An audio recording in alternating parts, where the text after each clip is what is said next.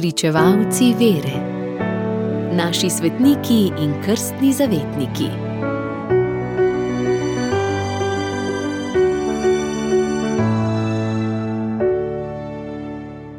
Danes zgoduje svetnik, čigar kip ali podobo najdete v skoraj vsaki cerkvi. To je Anton Padovanski, ljubezniv frančiškanski redovnik, ki drži v naročju božje dete, v rokah pa ima lilijo, simbol čistosti. Po nekaterih frančiškanskih svetiščih na njegov god blagoslavljajo lilije, ki jih potem razdelijo med vernike.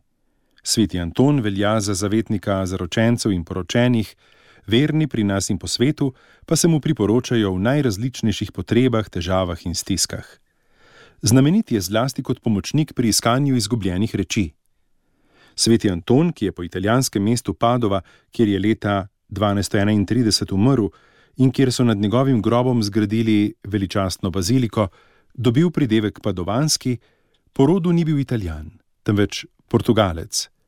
Rodil se je proti koncu leta 1195 v Lizboni, v glavnem mestu Portugalske. Pri krstu je dobil ime Fernando, plemiški starši so ga poslali v stolniško šolo, zatem pa je vstopil v samostan redovnikov Augustincev, kjer je ostal dve leti. Ko mu je bilo 26 let, je bil posvečen v duhovnika. Dve leti pozneje je srečal redovnike svetega Frančiška Asiškega in zaprosil je za sprejem v njihove vrste. Njegova prošnja je bila uslišana. Kot frančiškan si je prevzel ime Anton, se leta 1221 srečal s Frančiškom Asiškim, ki ga je dve leti pozneje imenoval za prvega profesorja teologije svojega mladega reda v samostanu v Bolonji. Na tem mestu ni vzdržal dolgo. Svetov Nema ga je gnala v južno in srednjo Francijo, kjer je zasloval kot od Boga navdihnjeni pridigar. Kamor je prišel, povsod so vrele skupaj množice, tako da so bile cerkve premajhne in je pogosto pridigal na trgih.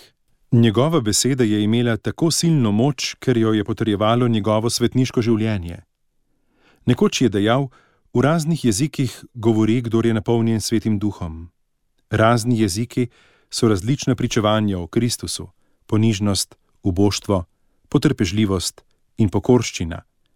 Z njimi govorimo, ko živimo tako in to kažemo drugim. Živa je govorica, kadar govorijo dela.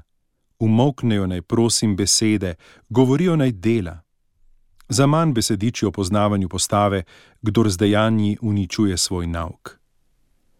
Izbrali so ga za predstojnika frančiškanov v severni Italiji, ko pa je bil te službe na lastno prošnjo razrešen, se je nastanil v samostanu svete Marije v Padovi, kjer je pisal svoje znamenite govore za svetniške praznike. Zaradi popolne telesne izčrpanosti, ki je bila posledica nenehnih potovanj, strogih postov in ostre spokornosti, so njegove moči pojemale. 13. junija leta 1231 je izdahnil dušo, star komaj 36 let. Pokopali so ga v Padovi, na njegovem grobu so se začeli goditi številni čudeži, in ko so bili zanesljivo potrjeni, ga je papež Gregor IX. manj kot leto dni po smrti slovesno razglasil za svetnika. V Padovi in po Italiji je sveti Anton tako slaven in tako močno češčen, da mu pravijo kar Il Santo, torej svetnik, in nikoli San Antonijo. Njegovo svetišče v tem mestu je cilj številnih romarjev. Naslov cerkvenega učitelja pa je svetemu Antonu Padovanskemu dal papež Pij XII leta 1946.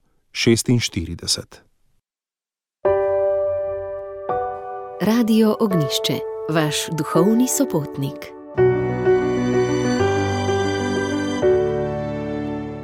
Hvala, da ste poslušali našo oddajo. Podprite nas in postanite prijatelje Radio Ognišče. Veseli bomo vaše pomoči.